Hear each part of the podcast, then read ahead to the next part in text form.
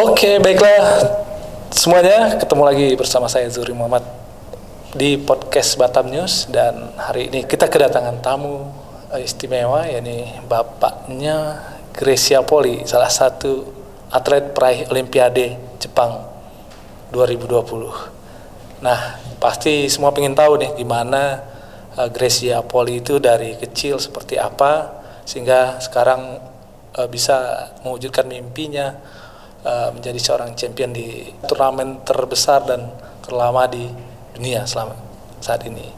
Dan di hadapan saya sudah hadir Pak Edi Susanto. Selamat Sutanto. Sutanto. Eh. Selamat sore Pak. Sore, Pak. Kabar baik Pak? Sehat? Sehat, Terima ya. kasih. Sehat. Iya. Sudah sempat ini ya Pak? ya? Sudah ngucapin selamat sama Gracia pasti ya Pak? ya? Sudah, sudah. Iya. Jadi malam, Mhm. siang dia dapat emas, Iya. malamnya dapat video call dari dia. Iya. Senang sekali karena saya setelah menang telepon dia nggak angkat-angkat. Iya. Lagi sibuk Ya, ya, dan ya, ternyata perayaan. sibuk, sibuk Iya. sekali. Jadi Sibuk malam. seremonial gitu. Iya. Iya. Gimana Pak ceritanya eh, kalau Pak Edi ini bapak kandung atau angkat? Sebenarnya Bisa saya tahu ya? bapak angkatnya, Mm-mm, tapi kami cukup dekat. Cukup dekat sudah sejak lama ya. Ya sejak dia sekitar umur 10-11 gitu sudah dekat karena sebetulnya actually saya punya anak kandung itu sahabatnya dia dari kecil. Iya. Anak kandung saya juga atlet namanya Gea dan mereka sering bertanding kan dulu. Kalau Chris diantar mamahnya, Ibu Evi, saya antar anak saya suka ketemu di lapangan Di Jakarta. Jakarta. Ragunan ya. Di- pertandingannya kan di mana-mana. Oh, di mana-mana, ya. ah. Mm, Cuman mm, mm. Gracia itu ada di klub namanya Jaya Raya di Ragunan, betul. Jaya Raya. Ya, dari kecil Gracia itu dibesarkan oleh Jaya Raya. Yang Jaya punya Raya. Pak Ciputra almarhum. Pak Ciputra ya. Ya, Pastinya ini hasil kerja keras Pak ya. Maksudnya bukan hanya kebetulan. Pasti udah dibina dan melalui proses yang panjang ya Pak. Ya. Bagaimana betul. Gracia Poli bisa seperti Betul. sekarang. Iya. Seperti apa dia Pak dulu kecil mungkin latihan atau Memang eh, dari kecil karakternya. Ya, betul. Dari kecil Gracia termasuk kelihatan sekali berbakat dalam hal bulu Ya. tangkis ini ya. Hmm. Bakat dan kemudian ibunya juga eh, sangat berkorban untuk Gracia ini. Iya. Jadi dari, dari Manado karena papa Ya. Gracia udah meninggal dari umur 2 tahun ke Jakarta umur lima tahun dia antar ibunya ke mana-mana kadang-kadang naik kereta ke Surabaya pertandingan Iya. dan memang Gracia ibunya itu kan juga atlet dulunya atlet ya atlet Iya. Sulawesi Utara dia pemain pernah jadi juara tenis lapangan Ya. jadi memang jiwa atletnya itu dari orang tuanya Dari orang ada tua, ya Hmm. dan kemudian mereka ke Jakarta dan mamahnya melihat Gracia ini punya bakat yang luar biasa Hmm. di Jakarta ada kakaknya juga almarhum juga sayang sudah tidak bisa melihat Gracia meraih, emas tetapi kakaknya ini namanya Pak Riki dan kakak perempuannya namanya Hersialin Polii itu juga berpengaruh besar terhadap RRD ya. Karena mereka itu sangat melihat potensi Gracia ini luar biasa. Tetapi lepas daripada itu, Gracia juga anak yang sangat-sangat disiplin. Iya. Dari kecil tuh dia sudah disiplin. Di saat anak remaja bisa main-main, dia nggak main. Iya. Ya dia tekun dengan apa yang Tuhan taruh talentanya sama dia. Iya. Ini yang luar biasa. Luar biasa sekali. luar biasa karena nggak semua anak muda mau disiplin pulang cepet tidur cepet bangun pagi Dia apa yang dia lakukan?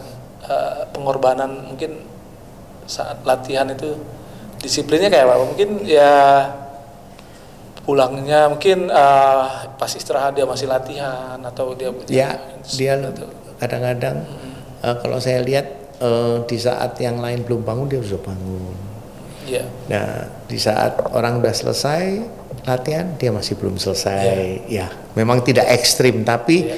Yang pasti Gracia ini orang yang sangat mengerti tanggung jawabnya Iya. Ya, karena dia dia tidak saja cuman setahun dua tahun. Ini sudah 28 tahun dia lakukan. 8 tahun. 28 tahun dia lakukan. Nah ini yang membuat saya bangga sama dia. Iya. Yang mulai saya melihat tuh setelah umur belasan ya, saya Ya. melihat dia udah mulai masuk pelatnas. Pelatnas tuh dia masih muda sekali, 15 atau 16 tahun gitu. Di pelatnas itu kan dulu saya masih bisa datang lihat. Belakangan memang ketat nggak boleh. Tapi dulu saya masih melihat bagaimana dia latihan fisik, dia latihan teknis dengan apa namanya pengorbanan yang luar biasa seperti itu dan tidak hanya sehari dua hari atau setahun dua tahun, belasan tahun di pelatnas tuh belasan tahun belasan tahun bangun pagi latihan tidur sebentar ba- latihan lagi dan itu dilakukan terus menerus dan latihannya juga latihan fisik fisik Latihan teknis skill, skill, teknis, ya. latihan beban beban ya. iya semuanya semuanya latihannya selain itu dia katanya sempat dia sarjana juga ya sarjana luar Oh biasa iya, ya. luar biasa. itu anak ini saya kagum dengan apa yang menjadi mimpinya Hmm. Jadi dia tahu bahwa memang dia sudah kehilangan masa remajanya sama orang Iya. lain ya. Iya. Tetapi dia tidak pernah tidak pernah eh, membuang waktunya. bawa waktu ya Dia begitu ada kesempatan kan hari Rabu biasa Rabu siang dia Iya. dapat dia les bahasa Iya. Inggris, terus eh, sekolah eh, apa namanya eh, online ya, Online, itu. ya sekolah online, sekolah. Eh dia jadi- jadi sarjana, bahasa Inggrisnya bagus. Saya melihat perkembangannya, bulu tangkisnya bagus. Jadi ini memang luar biasa. Terus satu hal lagi, Satu hal. dia sangat mengerti memilih teman-temannya. oh ya Hidupnya maunya mempengaruhi, dia nggak mau dipengaruhi. Ini yang luar biasa. dia kelihatan dewasa ya waktu Sangat, main ya. saya emang lihat ada jiwa leadershipnya dan kemudian dia sangat itu sangat Betul. sangat dewasa bagaimana dia mengayomi Apriani ya Iya betul. Uh, sedih gitu Iya. ya waktu kejadian 2000 berapa ya 2012 Pak ya? Yang dia di di kartu kartu hitam, itu 2012 itu pasangannya Ya. masih Meliana Oh, Meliana, Johari. ya, Meliana. Ya, itu dia sempat down iya ya. Itu saya tahu sendiri sangat terpuruk. Sangat terpuruk, Ya, waktu itu sangat. sangat terpuruk. Heeh. tetapi ya itu karena dia punya komunitas yang baik, termasuk Ya. anak saya, eh, terus teman-temannya di lingkungannya yang baik, Hmm. yang selalu support dia, keluarga yang baik, sehingga apa yang didengar ini sesuatu yang baik dan pelatih yang luar biasa. luar biasa Ya akhirnya dia dalam dua tahun diganti pasangan dengan Nitya Maheswari ya tahu ya. Ya. Itu langsung ambil emas Asian Games. Asian Games. Belum lagi Ya. Super Series. Super Series. Ketemu Super pelatih Pak Series. Enghian ini juga luar biasa pelatih ini. Pak Enghian tahu ya. Enghian. Pak Enghian ini dulu bekas juara Olimpiade juga. Saya lupa perak atau emas ya. Dengan Vlandi Limbele. ya Flandin Iya. pernah dengar Iya, uh, juara All England, juara itu juga memang pelatih yang sangat cool, yang sangat luar biasa. Dia tidak hanya pelatih tapi juga seperti orang tua. itu orang tua ya Ya pelatih itu nggak cuma ngajarin fisik, psikologisnya.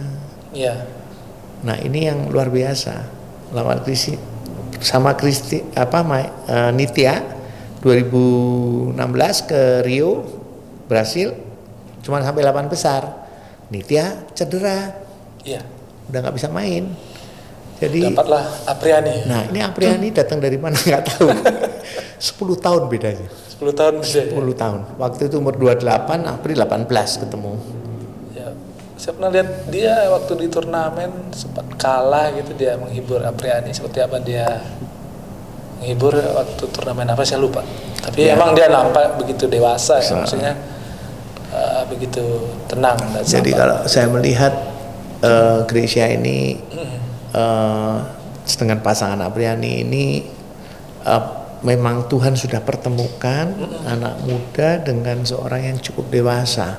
Sehingga dia tidak saja pasangannya itu cuma sekedar ya pasang main tapi secara eh, sebagai mungkin kakak sebagai sahabat Apriani ini kan masih labil dia- tadinya ya. tetapi Apri juga luar biasa Apri biasa. mau nurut gitu loh Kalau dulu kan sering bikin kesalahan. Nah, sekarang gitu. wah luar biasa pak. saya sendiri kaget karena sejak pandemi saya biasanya suka nonton saya itu kerjaannya kalau weekend Ya, ya weekend selalu tungguin karena dia pergi ke luar negeri selalu turnamen itu selama dua minggu di dua negara. Selalu. Ya. Habis itu pulang dua minggu, berangkat lagi dua minggu. Jadi kalau dia Gitu berangkat setiap setiap weekend eh, mulai Rabu mulai main itu saya selalu nyariin. Dia lagi main sama siapa main siapa. Saya ikutin ikutin. Itu sama Apri kan juga gitu bukan luar dalam. Saya pernah ke Thailand tahun 2019 19 Melihat dia main ya? Nah, lihat main sama Apri Mm-mm.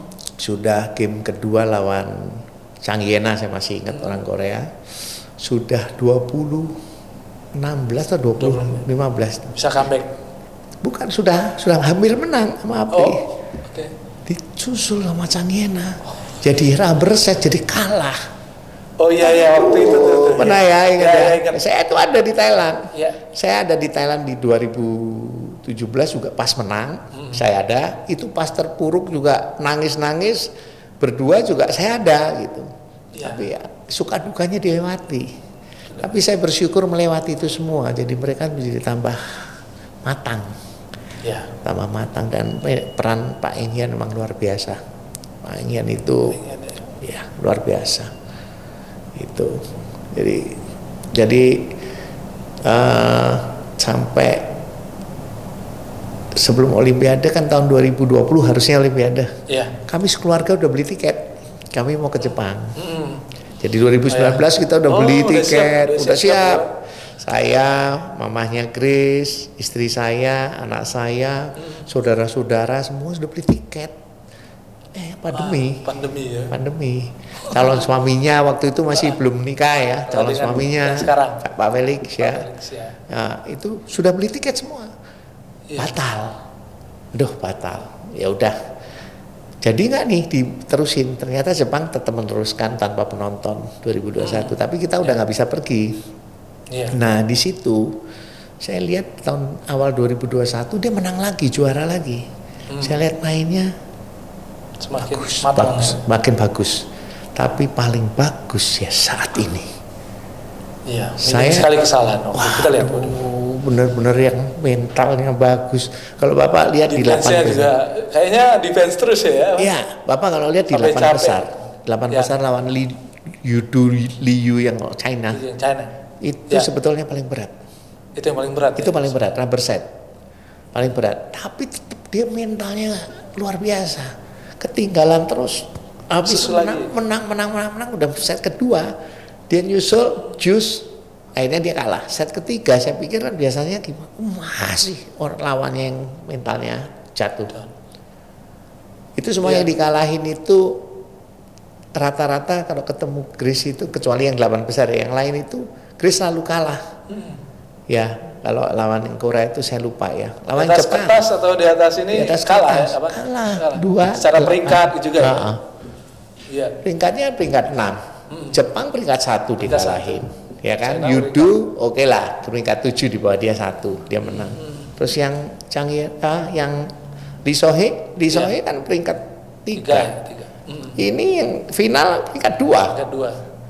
Ya, tapi bukan karena mereka jelek, karena Chris sama Chris gitu. yang bagus. Itu Iya, benar benar. bukan saya membanggakan anak saya, tapi memang seperti itu. Kayaknya strateginya juga pas gitu ya. Ya, strategi pas, favornya Tuhan juga ada, dan mereka memang main dengan luar biasa. Biasa. Waktu itu sempat nangis waktu dia dapat medali. Gimana? nggak nangis lagi. kami kan, kami kan nonton Iya. ini, nonton bareng pakai Zoom. Oh iya. Zoom, nonton TV tapi Zoom sama keluarga. Oke. Waduh, teriak-teriak kita semua. Teriak-teriak. Teriak udah. Waktu delapan besar teriak-teriak. Hmm. Itu kalau mau tahu, Bapak, Ah. delapan besar tuh kaki kiri sudah kram. Oke. Sudah kram, tapi Cinanya juga kram.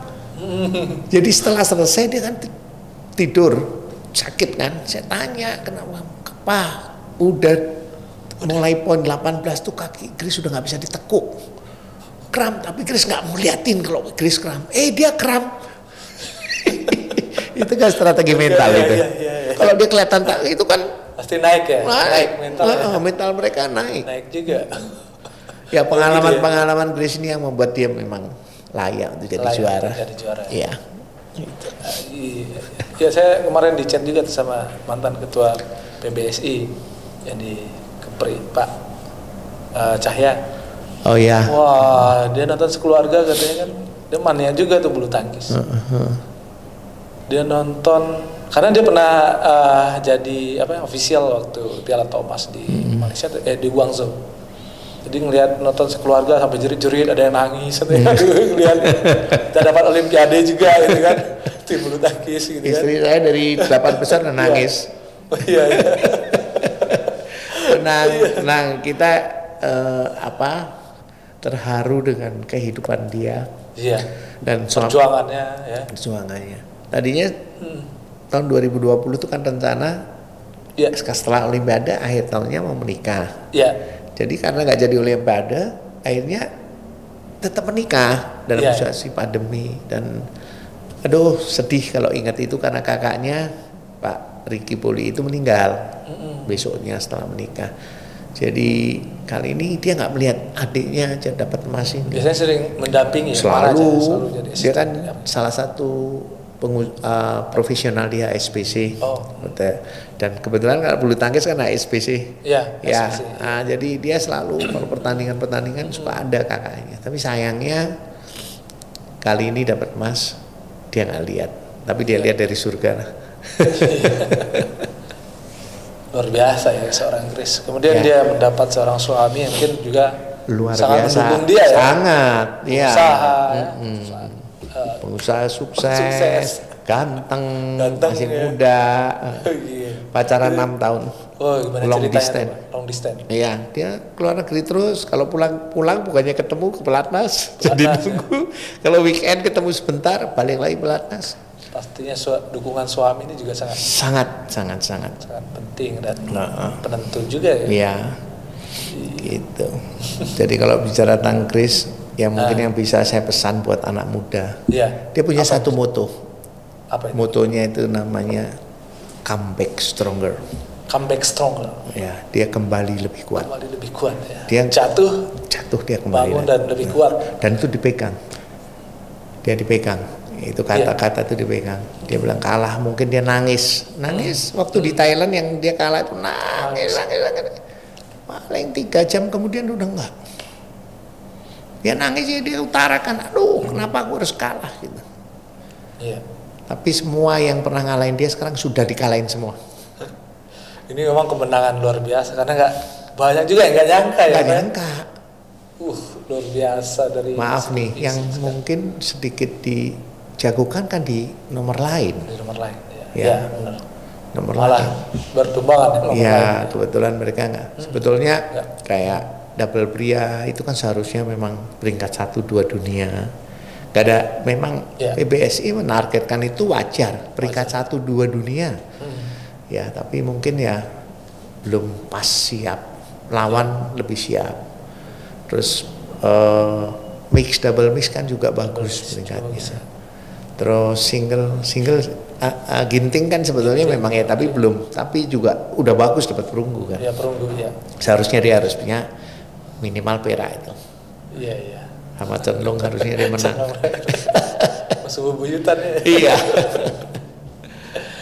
Eh, waktu dia menang sempat telepon tuh ngobrol sempat ngobrol lama atau Ya video call Video call ya? lebih adalah ya lima menit gitulah. Karena dia juga sibuk. sibuk pasti. Dia cuman bil- ngasih kabar, thank you doanya.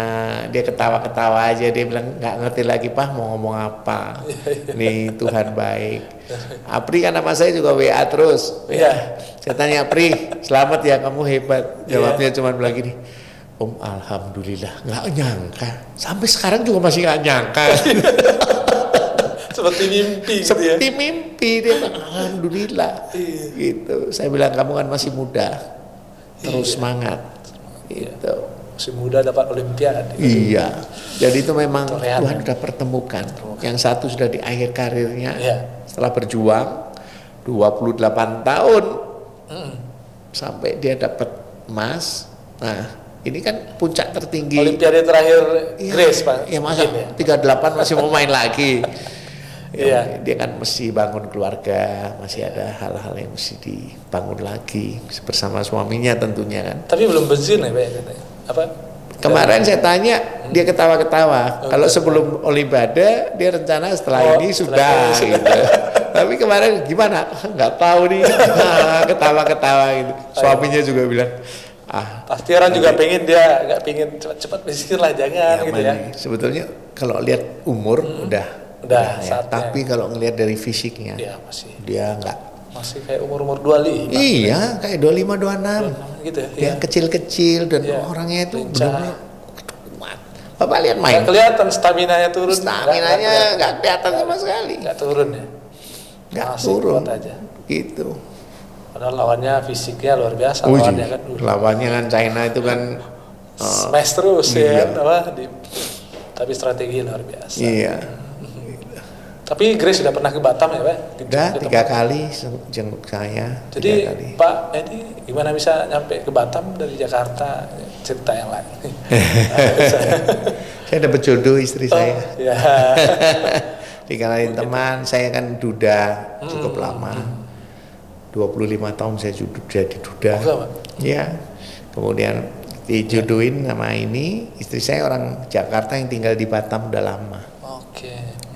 Kemudian saya perkiraan cuman dia ikut saya ke Jakarta atau saya ke sini. Oke. Ya, ternyata setelah saya survei, saya cari usaha di sini bagus, ya saya pindah ke sini. Iya. Sudah enam tahun ini saya ada di tahun, Batam. ya. Nanti akhir Desember ini enam tahun. Iya, iya. Usaha-usaha pembekuan ini.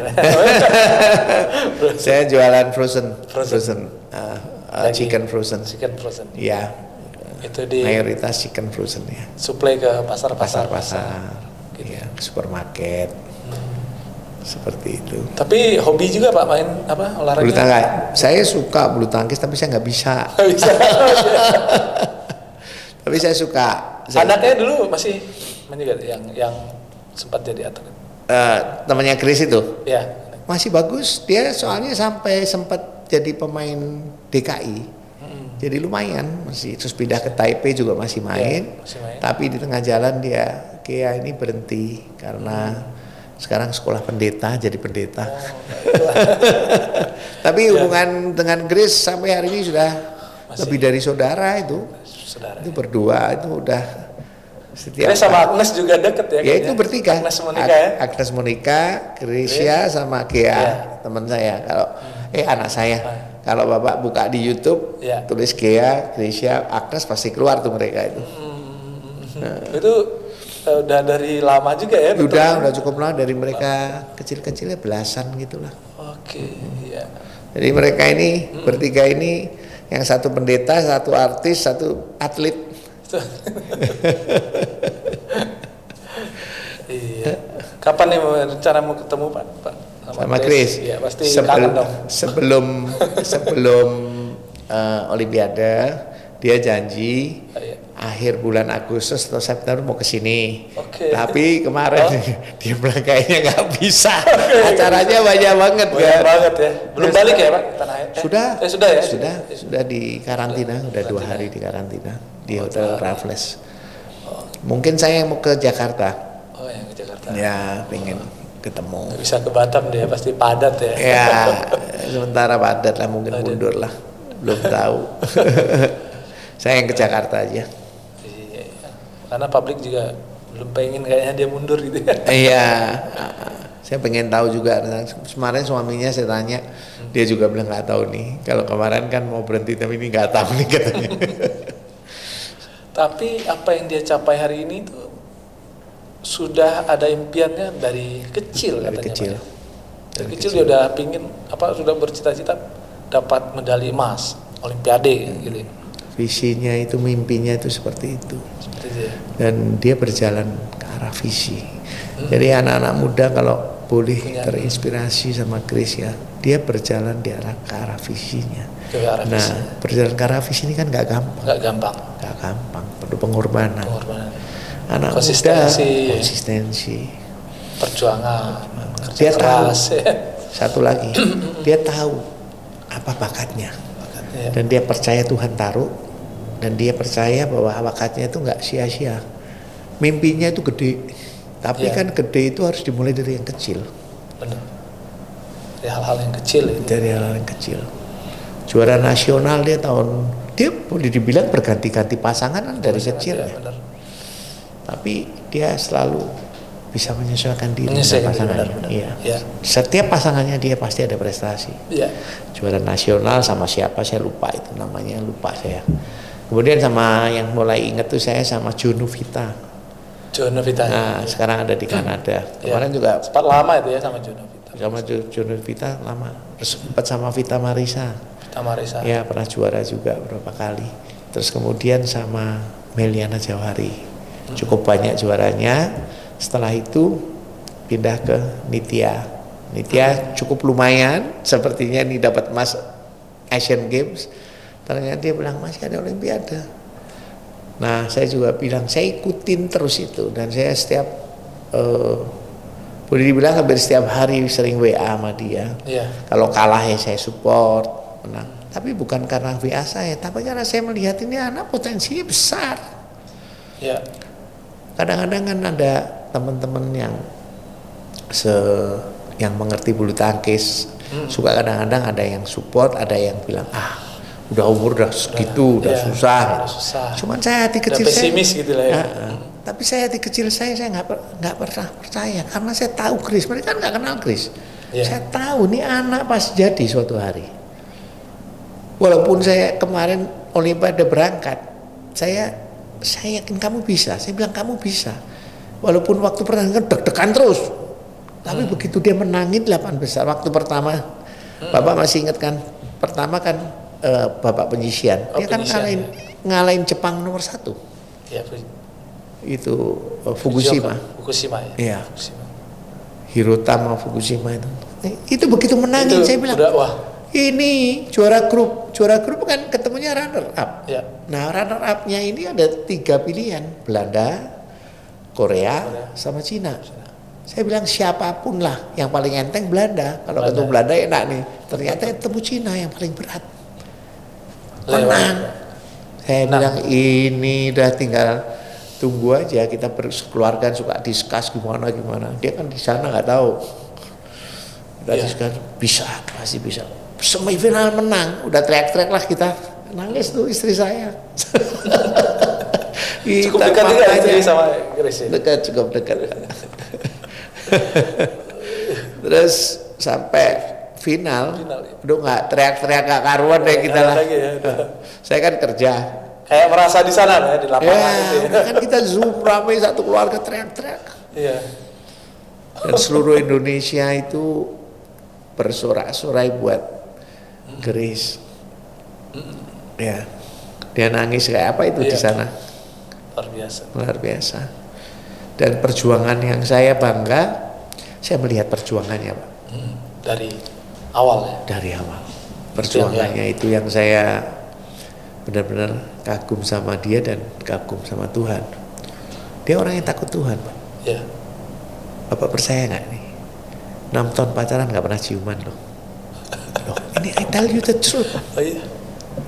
enam tahun pacaran Luar biasa. Jadi waktu dia pernikah, first kiss.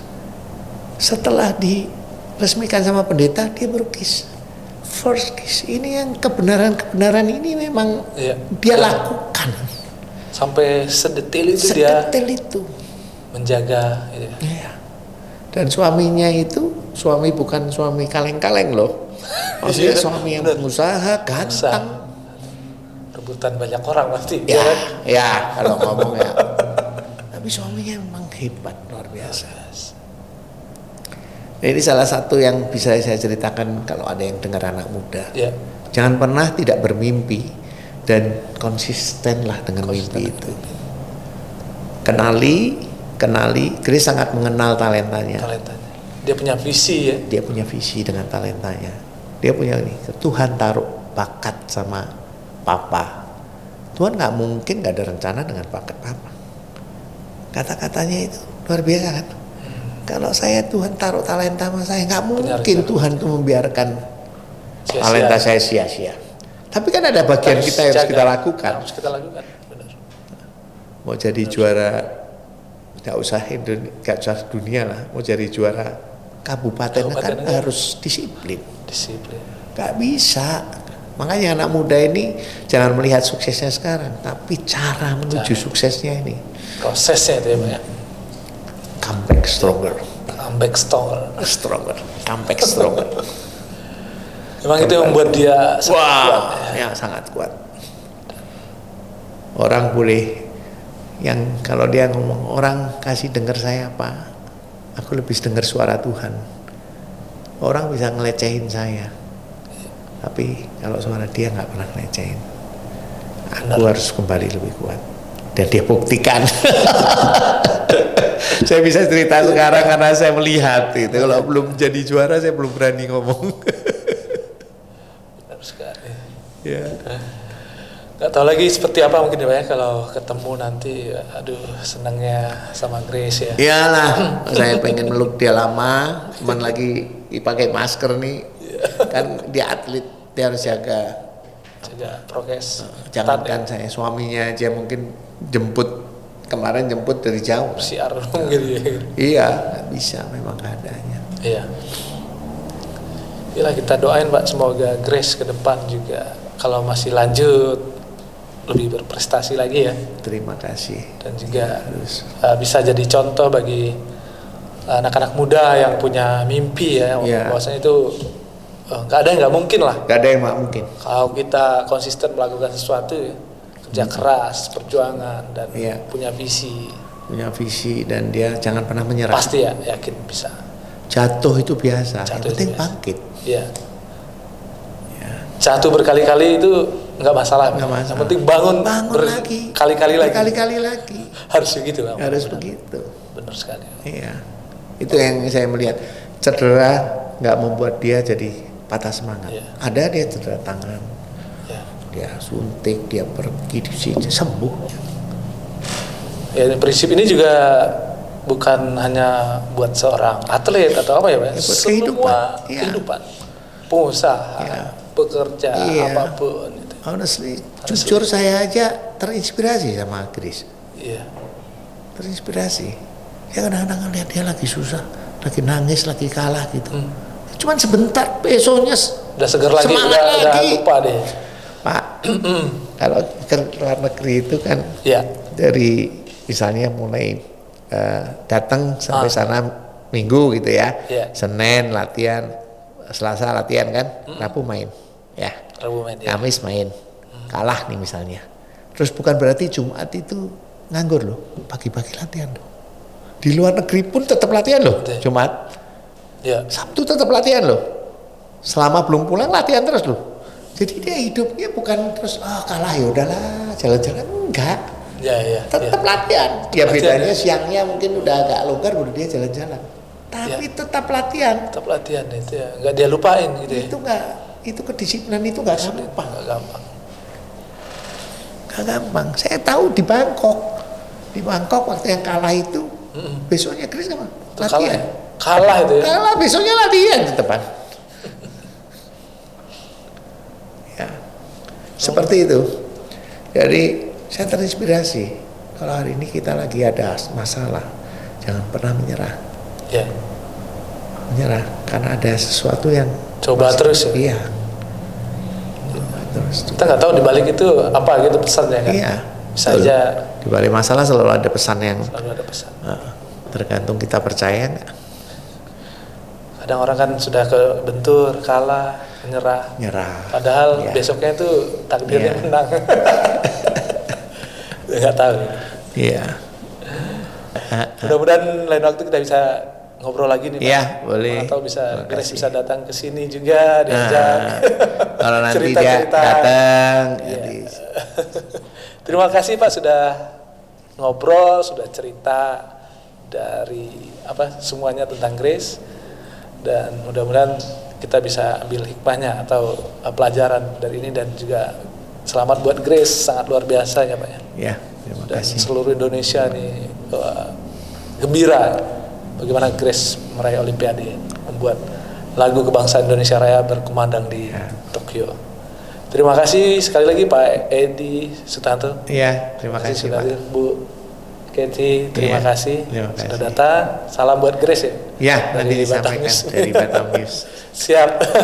terima kasih Pak. Ya, terima Selamat kasih. sore. Selamat sore. Salam sejahtera. Ya, salam Pak. sejahtera. Ya.